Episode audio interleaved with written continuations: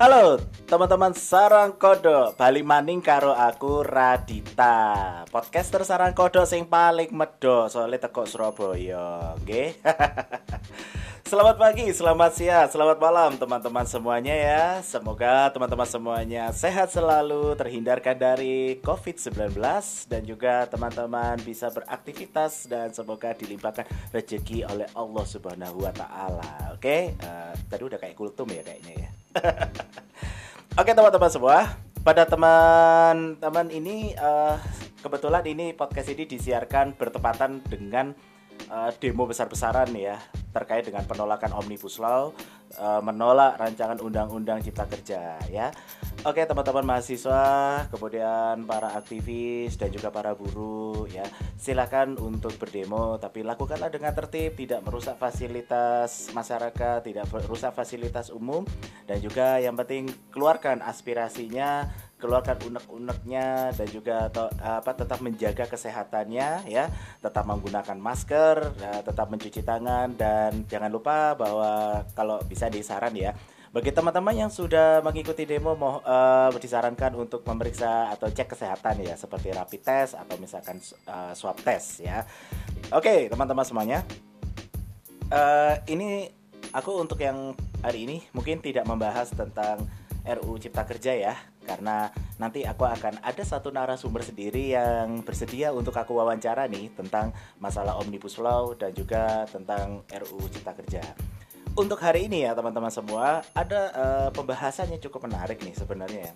Kebetulan nih aku kan uh, suka nih uh, dengan salah satu channel di TV namanya itu Techstorm gitu ya dan juga uh, ada channel itu uh, tentang gamers gitu kan Igizi channel gitu Wah, jadi promosi channel nih. Tapi uh, gak ada persoalan ya kalau itu ya.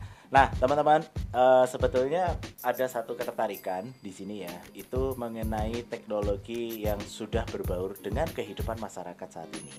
Nah, tentu kita sudah mendengar bahwa pengembangan infrastruktur sejak tahun 2011 itu sudah mulai mencanangkan yang namanya infrastruktur yang berbasis pada digital. Sehingga di dunia, termasuk di Indonesia, ini kita sudah masuk dalam revolusi digital. Nah, apa sih dimaksud dengan revolusi digital itu ya, teman-teman? Revolusi digital itu di mana uh, infrastruktur di dunia, termasuk di Indonesia ini, semuanya sudah beralih atau sudah berkonvergensi konvergensi ke arah teknologi computerized. Nah, pada teknologi computerized ini sekarang kalau dulu computerized itu pengembangan infrastruktur atau menjalankan infrastruktur atau perusahaan itu semuanya dengan semuanya sudah terprogram melalui komputerisasi. Tapi untuk saat ini ketika sudah masuk di revolusi industri yang keempat, itu kita sudah masuk di dalam revolusi digital yang sudah terkoneksi dengan jaringan online atau internet ya. Nah, teman-teman semuanya, kalau aku membahas soal internet mungkin sudah biasa kali ya di YouTube juga udah biasa dan juga banyak review-review tentang perangkat-perangkat internet dan lain sebagainya. Nah, aku sih sekarang mau membahas tentang uh, smart technology ya yang cukup menarik perhatian aku nih akhir-akhir ini ya. Nah, itu uh, tentang smart home gitu ya. Jadi kapan hari aku menonton tentang tayangan tentang teknologi smart home di situ dan kayaknya menarik juga ini untuk aku review ya tentang smart home itu seperti apa gitu. Nah, teman-teman bahwa uh, sejak adanya smartphone, kemudian iPad gitu ya, itu merek ya, bukan iPad lah, uh, tablet ya, tablet PC, kemudian PC gitu kan, atau laptop itu banyak uh, sekarang teknologi uh, gadget gitu ya atau modal uh, mobile platform dengan modal-modal yang bisa dikatakan kita tidak memerlukan modal besar untuk bisa mendapatkan suatu perangkat gadget yang berkualitas dan bisa memenuhi segala bentuk kebutuhan ya. Nah, teman-teman semua, sejak di masanya smart technology itu, kemudian mobile phone itu sekarang itu sudah memberikan banyak opsional kepada masyarakat. Kita tentu tidak sama di era sekarang ini seperti di era masa ketika handphone itu belum masuk ke dalam smart technology. Pada sekitar tahun 90-an, kemudian tahun 2000-an ya. Mungkin teman-teman dulu handphonenya kayaknya kalau aku sebut merek nih mayoritas kayaknya Nokia gitu ya Nokia yang dulu yang terdahulu gitu kan ya itu uh, kemudian dari Nokia beralih ke BlackBerry nah ketika teman-teman memahami atau sempat uh, berada di zaman menggunakan teknologi handphone handphone lama kayak semacam Nokia atau BlackBerry itu ya. Ini brand yang mewakili saja sih sebenarnya. Karena pada saat itu kepopuleran dari dua merek perangkat smartphone itu itu yang membuat teknologi di masyarakat itu seperti tersentralisasi gitu ya. Nah tersentralisasi itu seperti apa kira-kira teman-teman semuanya. Tersentralisasi itu kalau dulu yang namanya handphone canggih atau handphone yang beken atau handphone yang populer handphone yang keren itu kalau anda nggak pakai Nokia berarti anda nggak mencakup itu semuanya. Kalau nggak pakai Nokia berarti handphone anda nggak canggih. Itulah yang sempat muncul di dalam stigma penggunaan perangkat teknologi mobile uh, mobile phone waktu tahun 99 eh tahun 90-an sampai tahun 2000 itu seperti perangkat uh, apa namanya handphone Nokia itu dulu tersentralisasi banget itu bahwa teknologi handphone yang paling canggih itu adalah Nokia. Kemudian ketika uh, sudah di atas sekitar tahun 2008 ke atas itu kemudian BlackBerry sudah mulai populer. Sehingga yang tadi yang menggunakan Nokia kemudian sudah beralih menggunakan BlackBerry dan kemudian mulai muncul stigma baru kalau nggak pakai BlackBerry itu nggak keren gitu ya. Ya kalau habis itu yang pakai Nokia itu sudah ketinggalan. Habis itu teknologi yang terbaru adalah pakai BlackBerry. Dan dulu sempat populer tuh yang di masyarakat itu kita tukar pin itu kan sempat populer. Kemudian chatting handphone online 24 jam gitu kan. Bahkan waktu itu uh, aku pakai BlackBerry itu selain aku chatting pakai BlackBerry masih sempat sempatnya tuh chatting pakai Yahoo Messenger gitu misalkan gitu ya. Nggak kayak sekarang kalau sekarang kan udah canggih semuanya gitu ya. Nah itu pun e, mungkin kalau boleh aku katakan itu teknologi kita masih yang tersentralisasi ya. Yang tadinya teknologi Nokia kemudian teknologi BlackBerry itu semuanya tersentralisasi. Sentralisasi itu artinya apa? Tersentralisasi itu bahwa dulu pemikiran orang kalau yang namanya handphone yang bagus handphone yang canggih itu harus Nokia. Bahkan para generasi baby boomer pada saat itu yang usianya. Ya bisa dikatakan usia-usia yang sudah tua-tua gitu. Mulai dari usia lansia sampai usia yang tua biasa gitu ya. Atau dewasa yang sudah tua. Itu dulu opsionalnya adalah bahwa handphone yang bagus itu adalah handphone Nokia. Dan itu kalau di luar Nokia itu berarti gak bagus. Nah setelah ada BlackBerry kemudian beralih. Kalau handphone kalau bukan BlackBerry itu gak bagus. Kalau nggak pak kalau nggak tuker pin itu nggak keren. Gitu ya. Kalau nggak pakai BlackBerry nggak bisa kerja Nah, tapi ketika kita sudah di revolusi industri yang keempat, itu di atas tahun 2011, bahkan sekarang ini, mungkin bisa dikatakan kita sudah meninggalkan yang namanya era teknologi sentral, gitu ya, atau sentralisasi teknologi itu sekarang sudah kita lewatkan. Terus ketika masuk di revolusi yang keempat, kita masuk dalam teknologi yang baru, mobile smartphone yang baru, terus itu kita disebut dengan eranya apa?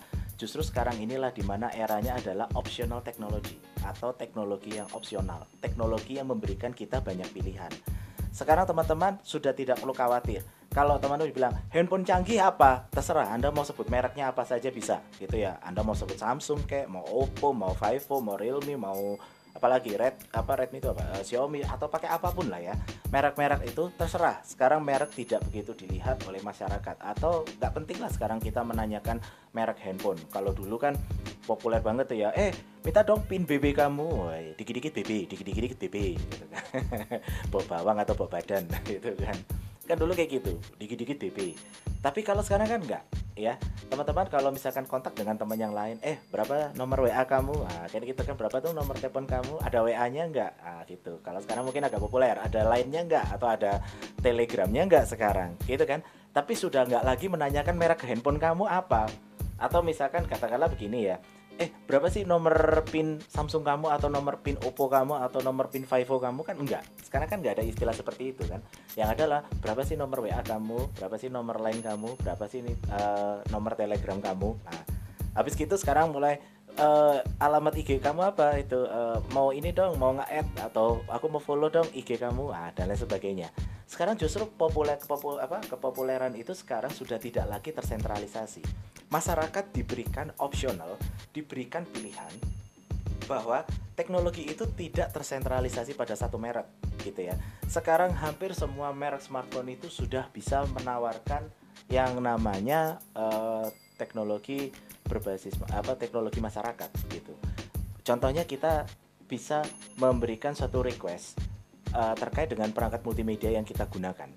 Kalau dulu mungkin namanya dengerin musik atau nonton video, Anda harus mentransfer dulu file video atau file MP3 gitu ya ke perangkat uh, handphone Anda dan itu dulu pakai kabel data.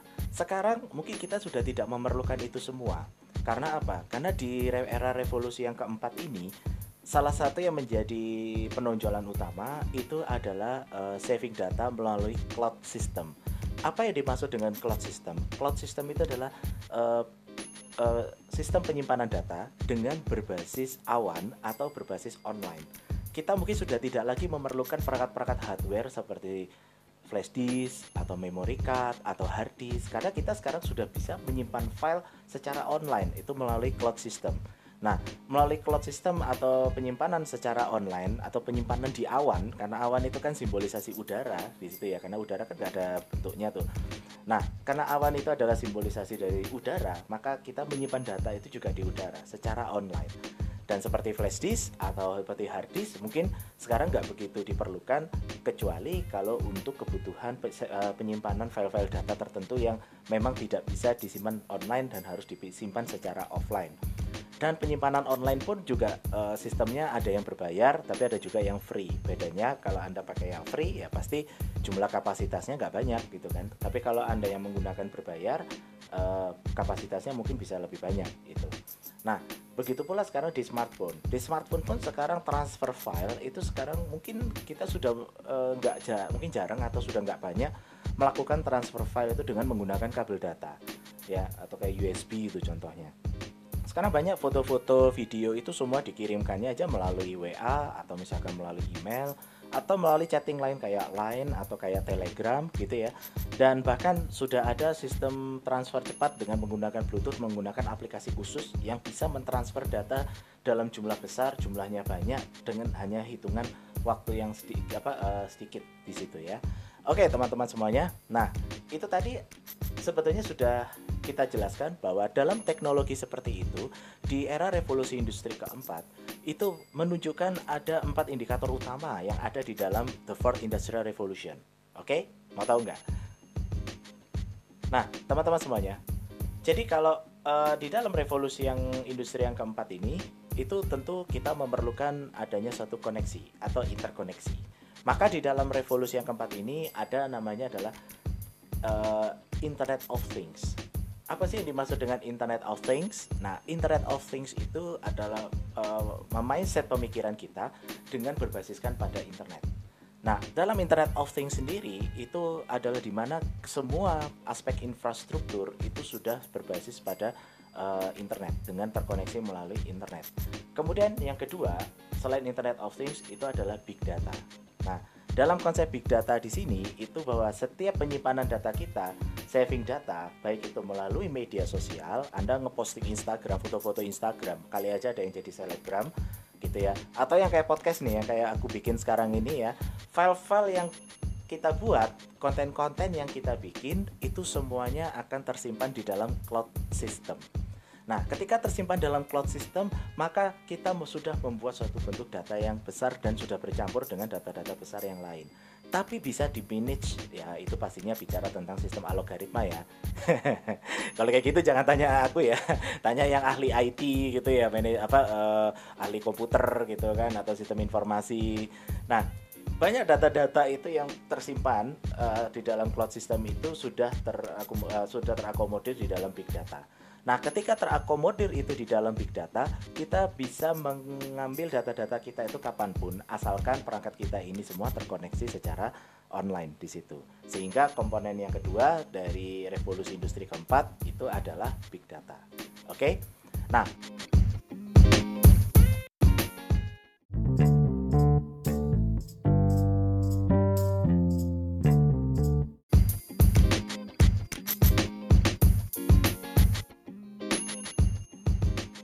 Pada komponen keempat, revolusi industri yang keempat adalah in artificial intelligence atau kita menyebutnya dengan kecerdasan buatan. Nah, pada kecerdasan buatan ini adalah bentuk sistem yang tadi sebenarnya itu saling terhubung ya. Jadi sistem internet di dalam connectivity kemudian menjadi sebuah big data, sebuah data yang besar diakomodir sehingga tersimpan di dalam suatu cloud system dan bisa kemudian berikutnya adalah diimplementasikan dalam bentuk kecerdasan buatan. Nah, pada kebentuk kecerdasan buatan itu teman-teman, kecerdasan buatan itu adalah bentuk uh, kecerdasan uh, sistem penanaman pemikiran di dalam teknologi yang di mana itu nanti bisa beroperasional, bisa menangkap seluruh aktivitas yang diinginkan oleh manusia, tapi semua yang serba terotomatisasi. Ya. Kecerdasan buatan ini contohnya seperti apa ya kira-kira? Nah, ini yang sebetulnya cukup menarik nih. Kayak teman-teman bisa tahu seperti smart home, gitu ya. Smart home atau smart city, kemudian ada juga smart industrial. Nah, saya ambil contoh salah satu aja ya teman-teman semua. Misalkan katakanlah seperti smart home. Smart home itu sekarang itu sudah menjadi sudah berbaur dengan kebutuhan uh, sekunder dari manusia sebenarnya. Kalau saya mengatakan bahwa teknologi itu kan dulu adalah kebutuhan tersier atau kebutuhan pelengkap gitu ya. Tapi kalau sekarang itu teknologi itu sudah menjadi bagian dari kebutuhan uh, sekunder tapi juga menjadi kebutuhan primer Nah, di dalam kebutuhan sekunder itu, misalkan uh, perangkat smart home itu sudah bisa terkoneksi dengan eh, perangkat-perangkat uh, teknologi yang ada di dalam rumah, gitu contohnya ya. Nah, seperti ini teman-teman ya. Uh, misalkan kita menggunakan lampu LED smart gitu ya atau smart LED gitu ya. Ada tuh ya smart LED dari beberapa brand. Nah, smart LED dari beberapa brand itu itu adalah uh, lampu yang sudah terkomputerized atau lampu yang sudah memiliki sensor terkoneksi dengan uh, suara kalau di dalam Google Assistant. Nah, itu juga bisa terkoneksi melalui smartphone. Artinya, kita bisa menyalakan lampu tanpa harus menekan uh, tombol yang biasa di dinding tuh, ya, pencetan lampu itu. nah, atau saklar gitu misalkan. Nah, di situ kita sudah tidak lagi memerlukan perangkat seperti saklar sebenarnya. Mungkin saklar atau uh, pencetan tombol lampu itu cukup di on kan saja. Setelah itu teman-teman udah nggak perlu lagi mengutak-ngatik itu apa namanya pencetan lampu itu untuk mati atau nyala. Tapi sekarang kita bisa mengkontrolnya itu menggunakan smartphone atau menggunakan tablet PC gitu misalkan. Bahkan yang terbaru nih ya kayak kita menggunakan perangkat artificial intelligence seperti perangkat seperti sebut merek gak apa-apa ya oke okay. uh, eh, seperti Google Nest itu contohnya ya seperti Google Nest atau berarti IR Smart itu atau Google Home itu semuanya sudah bisa uh, bisa melakukan semacam instruksi atau asisten digital kayak kayak asisten rumah tangga gitu tapi ini asisten digital yang bisa membantu kita untuk e, mengaktifkan seluruh perangkat elektronik yang terhubung di dalam smart home ini. Nah, kayak tadi aku ambil contoh kayak lampu digital, lampu smart e, eh, LED gitu ya, smart LED lighting. Nah, smart LED lighting itu kan lampu digital yang e, bisa dihubungkan langsung dengan perangkat artificial intelligence seperti Google Nest. Kemudian kita tinggal ngomong di situ uh, misalkan nyalakan lampu atau matikan lampu, kita hanya bermodal suara saja, itu bisa langsung uh, lampu itu nyala secara otomatis. Bahkan kalau kita misalkan tidur gitu ya, uh, kita mau matiin lampu tapi mager, nah itu tinggal ngomong aja, oke. Okay, matikan lampu. Nah seperti itu ya teman-teman semuanya. Setelah itu juga uh, ada selain perangkat uh, smart LED ada juga perangkat uh, smart socket untuk elektrik ya colokan lah kalau bahasa gampangnya itu ya. Nah colokan listrik itu pun sekarang sudah ada yang menggunakan perangkat smart. Jadi bisa uh, menyalakan segala bentuk peralatan elektronik yang terhubung dengan listriknya soket digital itu hanya menggunakan suara ya. Mungkin teman-teman kalau misalkan yang tidak punya semacam Google Nest gitu ya atau katakanlah mungkin modal terbatas Anda bisa menggunakan smartphone itu untuk menyalakan seluruh perangkat elektronik yang ada di dalam rumah Anda. Nah canggih bukan Bahkan kalau terhubung dengan Google Nest, Anda menggunakan suara atau Google Home itu kita bisa menggunakan suara di situ. Sehingga kita bisa mengakomodir seluruh fasilitas uh, elektronik di dalam rumah yang terhubung di dalam artificial intelligence atau menggunakan smart digital, itu kita bisa mengkontrol seluruh perangkat rumah tangga itu hanya dengan modal smartphone atau kita hanya bermodal suara saja dan itu nanti bisa langsung nyala otomatis gitu ya tanpa kita harus menekan tombol-tombol khusus secara manual gitu bahkan sekarang pun sudah ada namanya uh, smart extension elektrik gitu kan uh, kayak kabel T gitu yang sudah diakomodir dengan teknologi digital dan itu kita bisa membangun smart home sendiri. Nah, smart home itu tentunya adalah memerlukan perangkat teknologi yang sudah berbasiskan pada artificial intelligence atau kecerdasan buatan. Katakanlah begini teman-teman, misalkan ini aku punya smartphone nih, pakai Android. Aku tinggal menggunakan Google Assistant gitu ya untuk bisa mengkontrol uh, penggunaan artificial intelligence semacam Google Home di rumah. Untuk nyalain apa saja terserah. Misalkan mau nyalain AC mau nyalain TV atau bahkan nyalain listrik bahkan nyalain lampu sekalipun mau lampu kamar tidur kamar mandi kamar tengah dan kamar-kamar yang lain hanya dengan modalkan suara saja. Itu kita sudah bisa mengaktifkan seluruh perangkat elektronik di dalam rumah kita. Canggih bukan iyalah itulah salah satu kelebihan di dalam revolusi industri yang keempat nah mungkin uh, kalau boleh aku bilang bahwa uh, mungkin sudah banyak eh, perusahaan-perusahaan atau di dalam industrial yang sudah menggunakan artificial intelligence untuk operasionalisasi uh, di perusahaan. Contohnya di pabrik. Di pabrik itu ada perangkat artificial intelligence yang sudah terhubung dengan menggunakan perangkat seperti augmented reality. Apa itu augmented reality? Uh, semacam teknologi 3D. Ya, untuk lebih simpelnya gini deh. Kali aja teman-teman ada yang pernah main Pokemon Go gitu ya Nah, kalau teman-teman yang pernah main Pokemon Go, itu kan Anda seperti ngejar monster di dunia maya tapi berintegrasi dengan dunia nyata. Monsternya ada di handphone, Anda yang ngejar tapi di dunia nyata. Eh, dunia nyata. Anda tidak bisa melihat monster secara kasat mata kan nggak harus melalui perangkat smartphone. Nah, seperti itulah kira-kira gambarannya augmented reality. Di dalam industri itu sudah dipakai biasanya untuk melihat misalkan ini ada sebuah mesin. Dia tinggal di scanning dengan menggunakan perangkat AR setelah itu dari hasil scanning itu dari augmented reality itu kemudian bisa mendeteksi mana perangkat-perangkat mesin yang rusak mana komponen-komponen yang rusak atau mengalami kendala. Dia akan memberikan warning itu secara otomatis. Itulah di dalam kecerdasan buatan pada sektor industrial. Banyak, bukan hanya itu saja. Kalau di pabrik-pabrik yang sudah masuk dalam unsur keempat dari uh, artificial intelligence, kecerdasan buatan, kemudian menjadi uh, teknologi robotik atau robot gitu ya. Nah, teknologi robotik ini kalau di pabrik-pabrik itu sudah dipakai untuk uh, sebagai alat produksi dalam jumlah massal. Misalkan di pabrik mobil itu memproduksi mobil dalam jumlah massal itu sudah menggunakan teknologi mesin robotik. Begitu pula uh, pabrik smartphone gitu misalkan.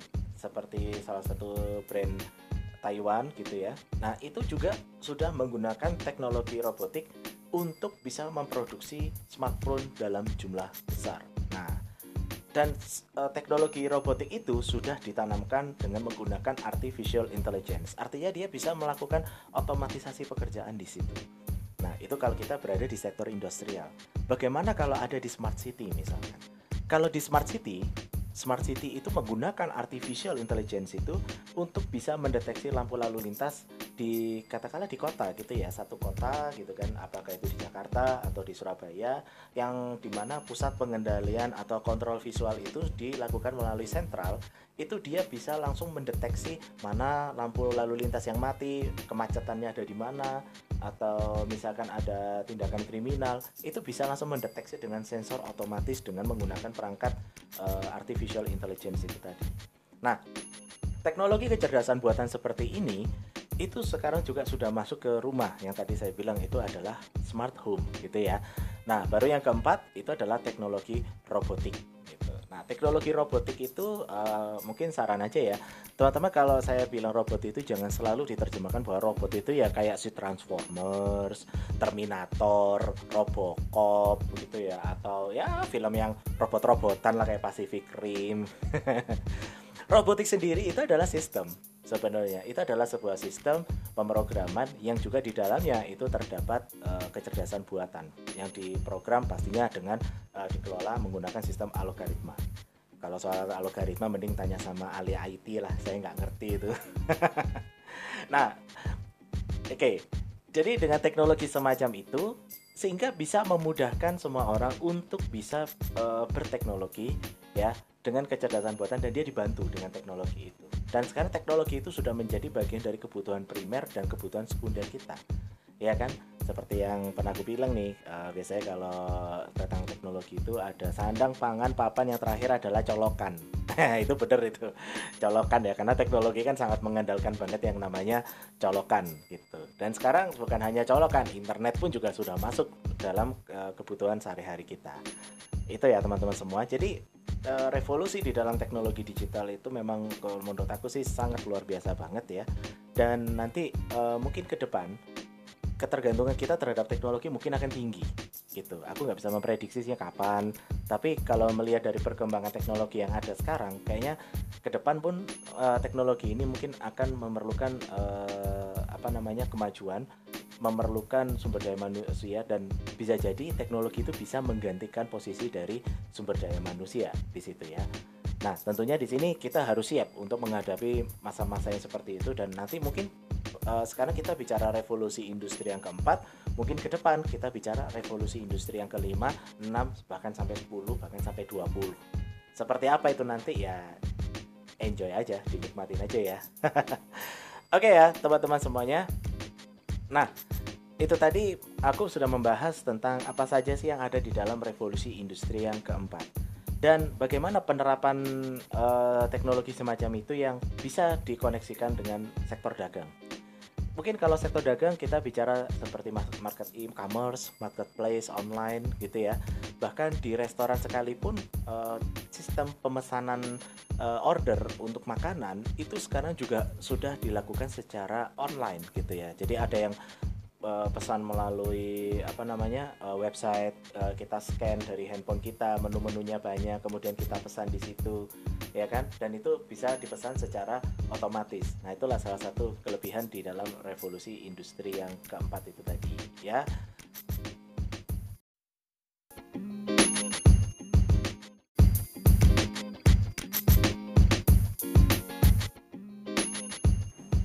Oke teman-teman, nah Tentunya dengan adanya kecanggihan teknologi yang ada saat ini di era revolusi industri yang keempat, tentu kita jangan mudah untuk dikontrol oleh teknologi. Tentunya kita adalah manusia sebagai makhluk sempurna yang memiliki akal sehat dan harusnya kecerdasan kita ini adalah kecerdasan yang melebihi dari kecerdasan teknologi. Dan kita harus bisa mengkontrol kecerdasan buatan ini justru untuk membantu kinerja kita bukan menggantikan dari posisi manusia. Oke ya teman-teman semuanya, uh, mungkin saran aku di era yang sekarang tentu teman-teman jangan sampai menjadi pribadi yang gaptek ya kalau bisa ya karena nanti ke depan tentu teknologi ini akan menjadi uh, bagian dari sistem kerja utama kita dan juga untuk pemenuhan kebutuhan primer maupun kebutuhan sekunder kita di sini. Oke ya teman-teman semua, teman-teman sarang kodok ya.